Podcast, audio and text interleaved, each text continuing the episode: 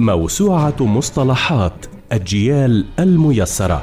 برنامج يتناول مجموعة من المصطلحات التي تأخذ حيزا كبيرا في حياتنا اليومية الاجتماعية السياسية الاقتصادية والثقافية. في كل حلقة نتناول مصطلحا لا بد وأنه مر على مسامعنا.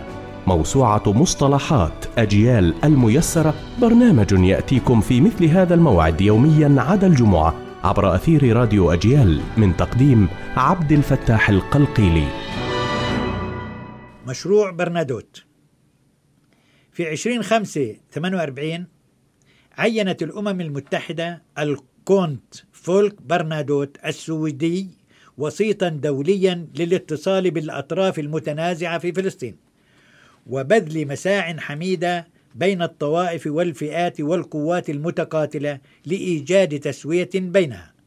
وقد استطاع أن يحقق الهدنة الأولى في فلسطين في 11 6 48 وتمكن بعد مساع لدى الجانبين العربي والإسرائيلي من الاتفاق على مفاوضات ستعقد في رودس في نهاية عام 48 وخلال نشاطاته واتصالاته وحواراته مع جميع الأطراف وفي ضوء ما تلقاه من ردود على مقترحاته السابقة أعد مقترحا جديدا باسم مشروع برنادوت من أجل إعادة السلام الشامل للأراضي المقدسة وعودة العلاقات الطيبة بين العرب واليهود وبعث به إلى الأمين العام للأمم المتحدة.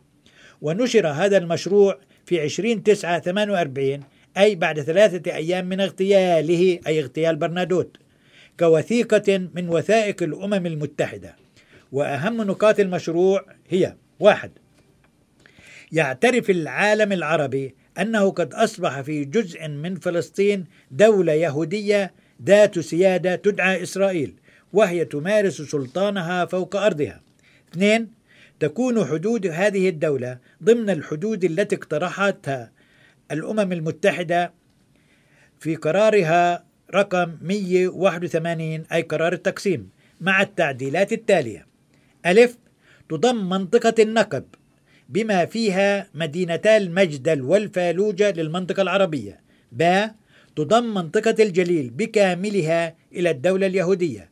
ثلاثة يترك للدول العربية أن تقرر مصير الأراضي العربية في فلسطين بالتشاور مع سكانها. إقامة يعني إقامة دولة مستقلة أو متحدة مع شرقي الأردن أو كما يشاءون.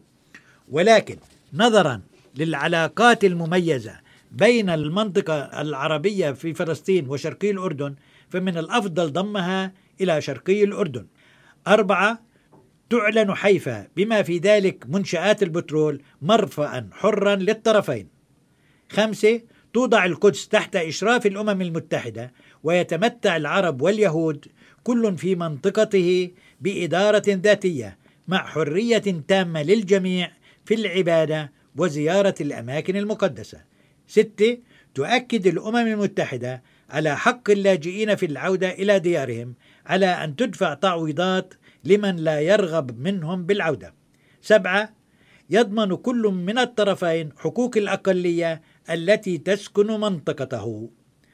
رفض مشروع برنادوت من قبل جميع الأطراف العربية واليهودية غير أن الرفض اليهودي كان أعنف إذ قامت عصابة شتيرن باغتياله جهارا نهارا يوم 17 9 1948 ليقوم مساعده الأمريكي رالف بانش بمتابعة مهام الوسيط الدولي فيشرف على اتفاقيات الهدنة الدائمة بين إسرائيل وكل من مصر والأردن ولبنان وسوريا. ويمكن القول أن هذه المقترحات كانت أساسا في إنشاء لجنة التوفيق الدولية التي كونتها الأمم المتحدة.